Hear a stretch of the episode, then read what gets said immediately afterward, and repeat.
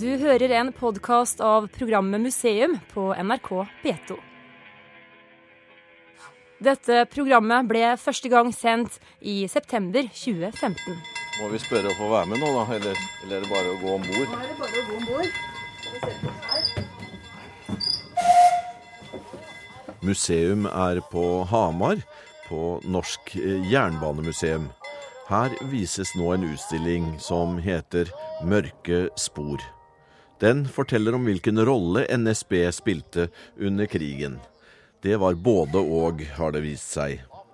Det er Bjørg Eva Aasen som har eh, laget utstillingen, og en som har vært en viktig premissleverandør til deler av innholdet, er historiker og forfatter Bjørn Vestli.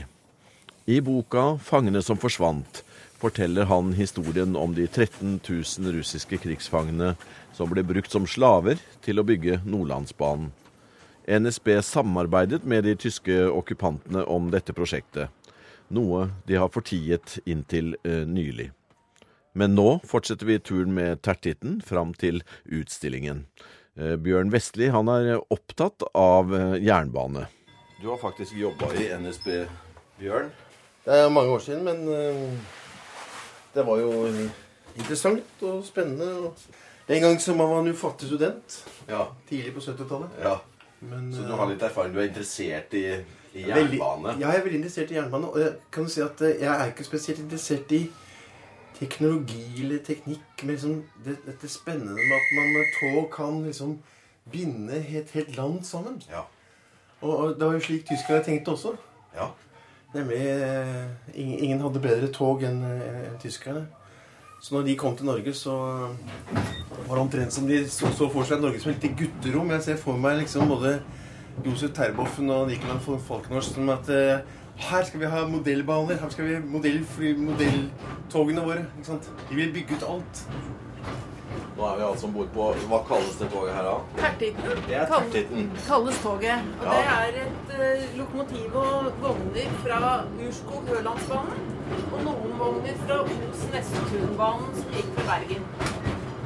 Var det Aurskog Høland du sa? Ja, Jeg har Jeg må si at jernbanevogner, eh, kanskje spesielt godsvogner, er for meg et sånn Det gir meg Det henleder meg mot, mot å tenke krig, faktisk. Det er antagelig fordi jeg har sett de forferdelige bilder av eh, fanger som blir lasta om bord i tog og kjørt ned gjennom Europa. Ja, det var altså Altså, uten jernbanen så ville ikke holocaust blitt så effektiv. Det ble fraktet jøder fra alle okkuperte land eh, til dødsleire.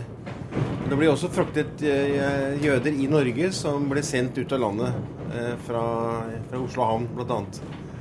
Sånn at eh, mange har andre jernbanehistorikere har understreket at uten dette effektive jernbanesystemet som var i Europa, så ville ikke, vil ikke, ha- ikke, ikke kunne ha skjedd så effektivt som det faktisk skjedde. Og det er jo slik at hele Europa var jo allerede bygget ut med jernbane. Allerede på lenge før krigen. Slik at eh, man kunne bruke dette. Og tyskerne, da de okkuperte Polen i 1939, altså året før de kom til Norge, så eh, spilte Deutsche Reichsbahn en, en avgjørende rolle. Både frakt av, av våpen og av, eh, og av eh, soldater. Slik de da så ønsket da de kom til Norge. Men der hadde jo heldigvis NSB en, en måneds tid kontroll over deler av jernbanen, slik at norske soldater ble også fraktet med NSB eh, eh, mens tyskerne rykket eh, nordover. Er vi framme nå? Vi kan godt være med en tur til, for vi skal bare opp og så rett ned igjen med en gang. Vi kan gjøre, vi kan gjøre det etterpå igjen. Vi- Vi skal inn på utstillingen, og så skal vi tilbake igjen. Ja, men da er ikke vi her. Nei, ja, men da får vi gå. Ja da. Da får vi. Du får bare kjøre fram og tilbake, du, altså. Ja.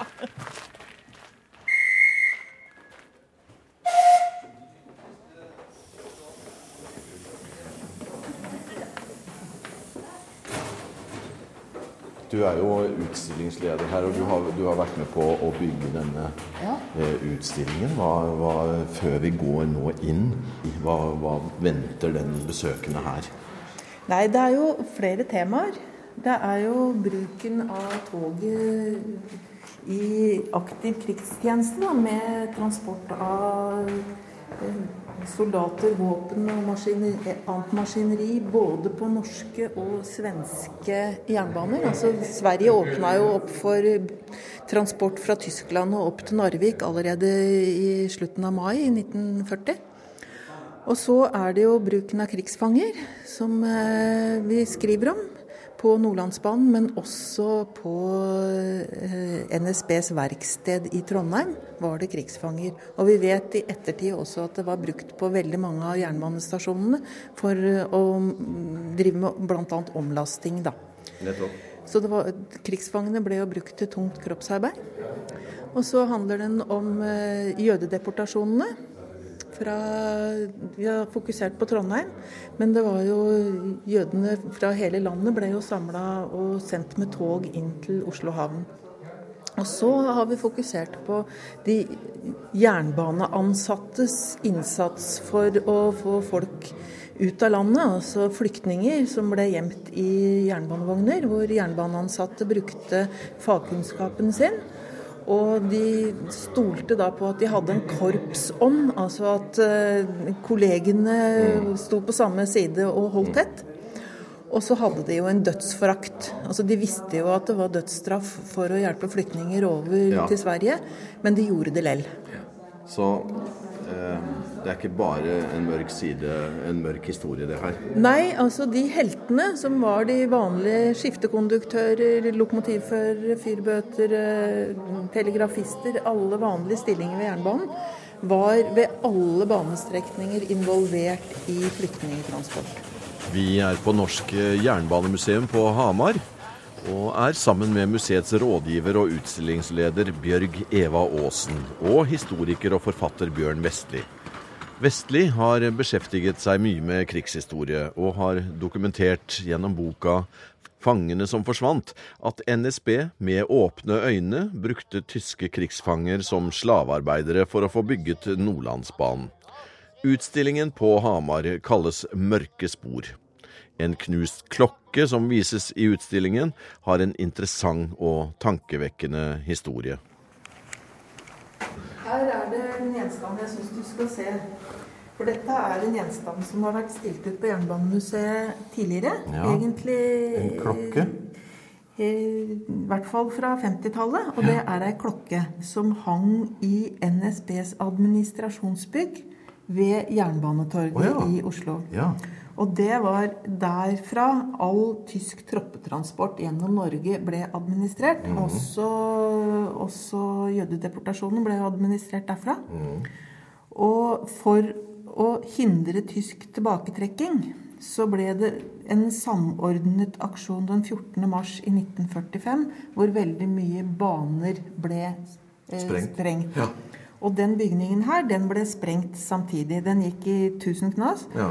Og ble, restene ble revet. Og det var kanskje sju minutter på ti. Ja, det var om kvelden. Det var Gunnar Skjønsteby og en til som sto for eh, sabotasjen. Og eh, klokka med alle sine eh, slag etter, eh, etter sabotasjen, den kom da på museet. Og vi lurer jo fælt på hvordan de tidligere har forklart den sammenhengen. For dette forteller jo oss i dag at NSBs administrasjonsbygg ble sabotert av krigsheltene. Nettopp, ja. Gunnar Skjønsteby og co. Ja. Hvordan har de forklart sin egen historie tidligere? Det vet vi ikke. Nei, du vet ikke du heller, Bjørn? Jo, de, altså Gunnar Skjønsteby har i sin bok forklart at, uh, at de måtte gjøre det fordi nå, da var det et, et så tett det var et, som de beskriver, et tett samarbeid med NSB og, og tyskerne.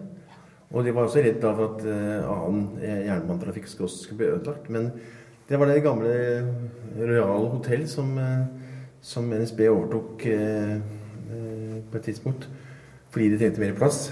Eh, og eh, da tyskerne kom til Norge, så, eh, tidlig i april eh, 1940 så overtok oss og flyttet også ty tyske jernbaneingeniører inn i dette inn i samme lokale som NSB.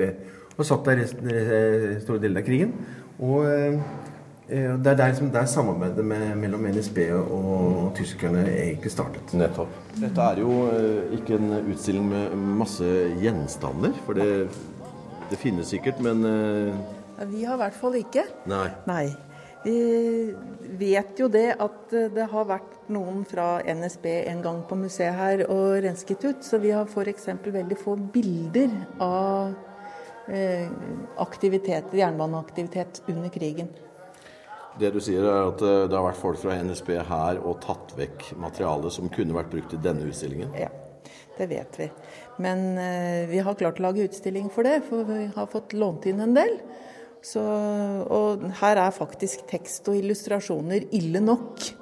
Så vi har eh, gjenstander. Vi har f.eks. Terboffens togtelefon. Men det er ikke det som er fokuset her. Det er rett og slett fortellingen, de nye opplysningene som vi har fått fram. Hvordan eh, har NSB forholdt seg til, eh, og Jernbaneverket forholdt seg til eh, denne utstillingen? da? Altså, NSB har til nå glimret med sitt fravær. Vi har, hadde invitert dem til åpningen, men da hadde de ikke tid til å komme. Og jeg vet ikke om de har vært her etterpå, men jeg håper jo at de kommer. Mens Jernbaneverket har jo omtalt den ganske mye.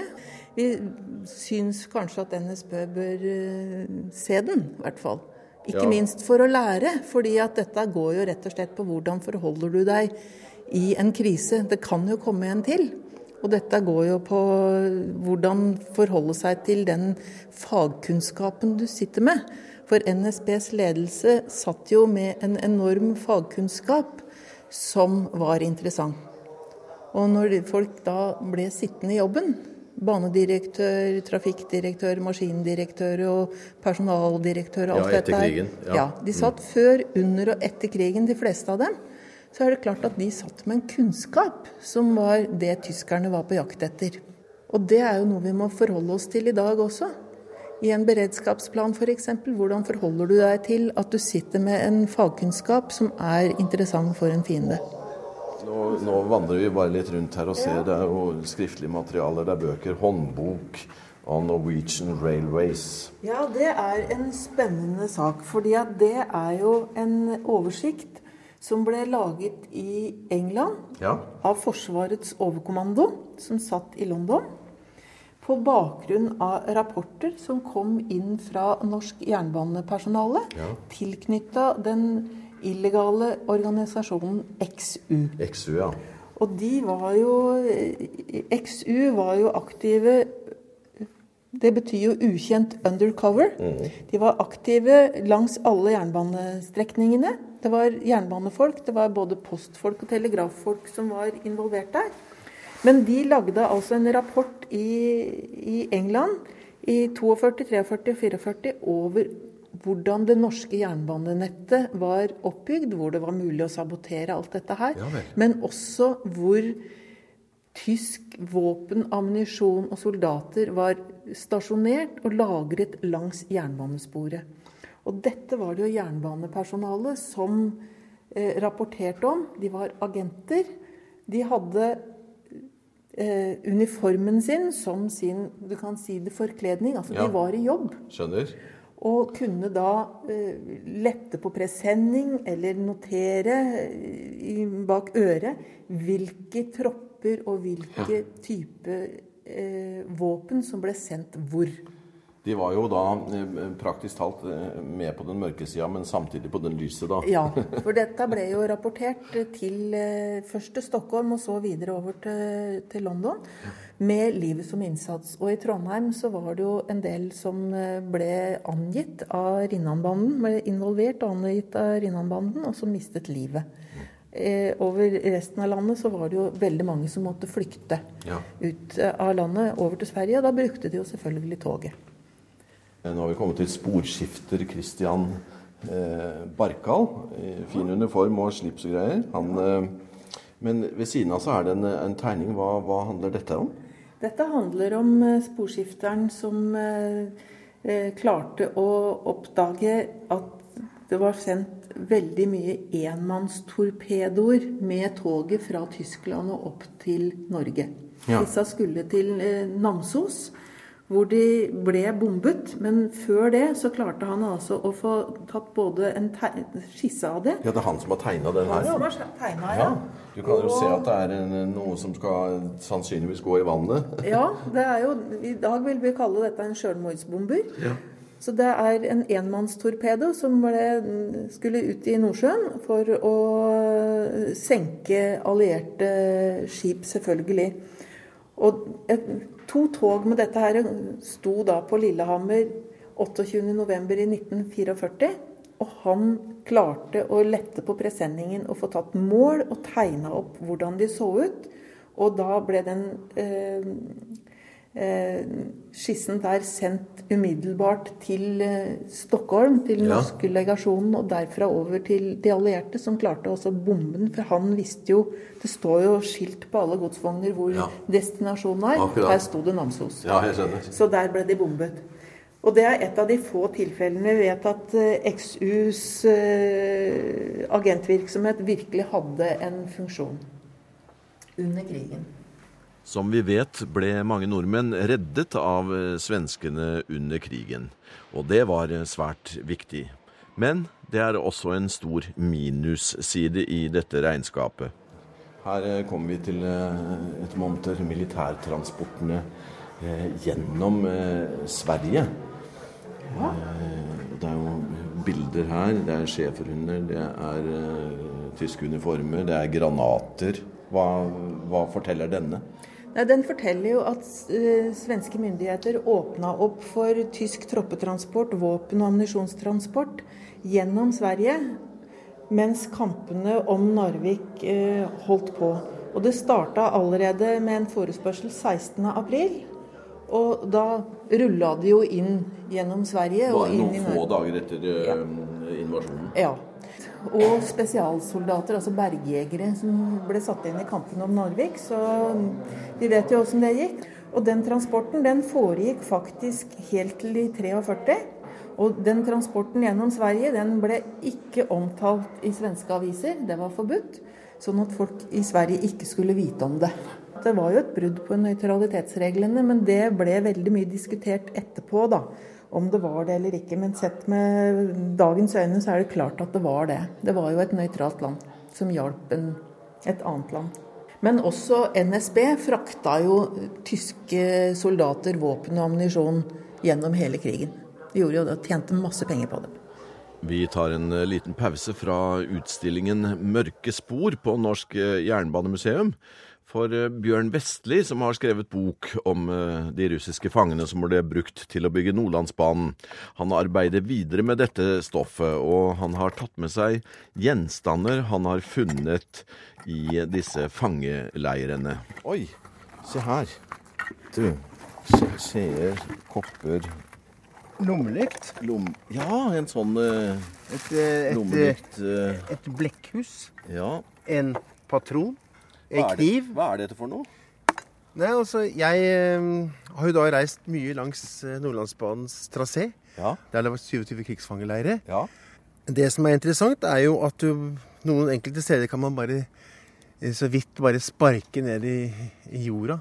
Så, så kan man da med, med letthet grave opp eh, rester fra leirene. Ja. Og eh, dette gjorde jeg nå i sommer, i juli. Eh, Jeg var på Bjørneelva, som ligger på Saltfjellet. Ja. Hvor det var sovjetiske krigsfanger, også, også, og senere også jugoslaviske fanger. Da krigen var over, så ble det mesteparten eh, gravd ned. Ja. Og også det som eh, fangene hadde brutt. Eh, Jeg fant jo også på en, en annen leir på den samme turen, ved Bolna-leiren. Der fant jeg en stor spade. Spader er på en måte fortelling om denne historien, nemlig Ja. at det var sovjetiske fanger som bygde. ikke sant? Om grovt grovarbeidet. ja. For det du har med her nå, da kommer vi virkelig nær det vi har nå sett på utstillingen. Så absolutt, her er det et blekkhus. Og der på utstillingen så så vi jo hvordan eh, leirkommandantene skrev navnene på de sovjetiske fangene inn Ja. på kort med, med, med blekk. Og, og, og her er det også samme, samme sted så fant jeg også patron. Ja. Og det er den andre siden av, av denne brutaliteten som disse leirene egentlig representerer. Det spesielle med dette, det er jo at ingen av disse leirene vi snakker om, hvor det, som var, som på en måte, hvor det bodde over 13 000 fanger, over 13 000 fanger, over 1000 av dem døde under arbeidet for å bygge Nordlandsbanen, ingen av dem er fredet. I år så har Riksantikvaren understreket at de såkalte underkommuniserte historiene skal, eh, skal man ta hensyn til når man skal frede noe. Og jeg mener det må være en plikt for Norge at en av disse leirene, det som er igjen, de sporene som faktisk finnes, at, det faktisk, at de blir fredet, en av dem blir fredet, og at det også på en måte fortelles om hva som faktisk skjedde. Ja, veldig interessant å se. altså. Det, Disse fangene de fikk aldri nok mat, for å si det veldig enkelt. Nei. De fikk akkurat så mat at de fleste kunne overleve. Men når man ser på dødstallene og hva de døde av, så var det veldig mange som frøs i hjel, sultet i hjel og hadde døde av tuberkulose eller lunge- lungesykdom. Eller de blir slått i hjel. Eller skutt. Det er mange årsaker til at denne historien ikke har blitt kjent. Den er blitt for vanskelig å, å snakke om. Så det er ikke noe spesielt for Norge. Den såkalte taushetskultur har vært rådende i veldig mange land som ble okkupert. Nettopp fordi en okkupasjon er så dramatisk og forferdelig for et land. Nettopp fordi det alltid vil være noen som går okkupantenes tjeneste. Og Samtidig er det også slik at mange blir stilt opp for veldig vanskelige valg. Og det er klart at veldig mange har da på en måte valgt å si ja til å være med på ting som man jo under andre omstendigheter ikke ville ha sagt ja til. Nettopp fordi den tyske makten som var i Norge, var sterk. Og den kommer trusler, ikke sant? Slik at mange blir tvunget til å også være med på ting. Men slik jeg nå ser NSBs forklaringer etter krigen, som jo ikke har vært eh, brukt i noen eh, skriftlige eh, fremstillinger, det er at de sier sånn Ja, ja. Eh, vi med Vi var med på byggingen av Nordlandsbanen eh, under de rådende forholdene med god samvittighet. Fordi de viser til hele tiden Ja, ja. Eh, banen måtte jo bygges, og den kunne komme Norge til nytte etter krigen. Man har oppfattet det slik at det var bedre at den hadde en norsk ikke-nazistisk ledelse enn at eh, noen tyske eller noen nasjonal samling folk skulle ta over. Så da har man valgt å på en måte å bli på sine poster, på sine kontorer. De, de personene som satt i NSBs ledelse før krigen, satt under hele krigen og i mange år etter krigen. Jeg kan jo tilføye også at noen av dem fikk jo utmerkelser i 1941. Nei, 51, unnskyld. Ja. Det var jo eh, han som var eh, banesjef, altså hadde oversikt over eh, hvor alt vognmateriell var, annet. Han var jo direkte involvert i det meste av transport under krigen. Både fanger, eh, soldater og norsk frossenfiskeksport til Tyskland. Og jøder. Og jøder. Han ble utnevnt til ridder av St. Olavs orden av første klasse etter krigen. Og fikk også kongens fortjenstmedalje. Det er den merkeligste utnevnelsen, men det var flere som også fikk eh, kongens fortjenstmedalje i gull for sin innsats. Som eh, sto for all administrasjon, da. Dette, denne utstillingen og det dere sier nå, og mange andre eh, holdt jeg på å si, tegn i tiden, viser vel at, at norsk eh, eh, krigsinnsats og, og vår eh, krigshistorie endres sakte, men sikkert. Eh, har ikke tiden vært moden før nå? Nei, Det kan eh, virke sånn. altså Statens vegvesen brukte jo også jugoslaviske krigsfanger til bygging av veier. Og historien om at det faktisk skjedde, kom jo, ble først ordentlig kjent i, eh, i november eh, 2014, da Pål Nygaards bok om, om Statens vegvesen og krigen ble, kom. Og der har Statens vegvesen eh, ventet med å komme med den boka til alle var døde, var forklaringen. Og, og, og, det er, eh, og, og det, er litt, det er litt slik, ikke sant? Fordi at det, man snakker jo om den, den, såkalte, den patriotiske grunnfortellingen om annen verdenskrig.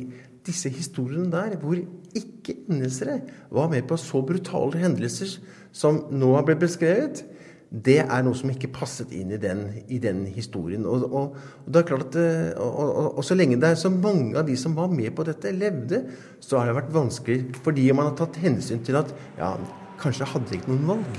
Men eh, jobber du videre med denne historien? Så deler av denne krigshistorien vår er på en måte blottet for det faktum at eh, det foregikk et omfattende samarbeid mellom, eh, norske statsbedrifter som ikke var kontrollert av nazister, og eh, okkupantmakten.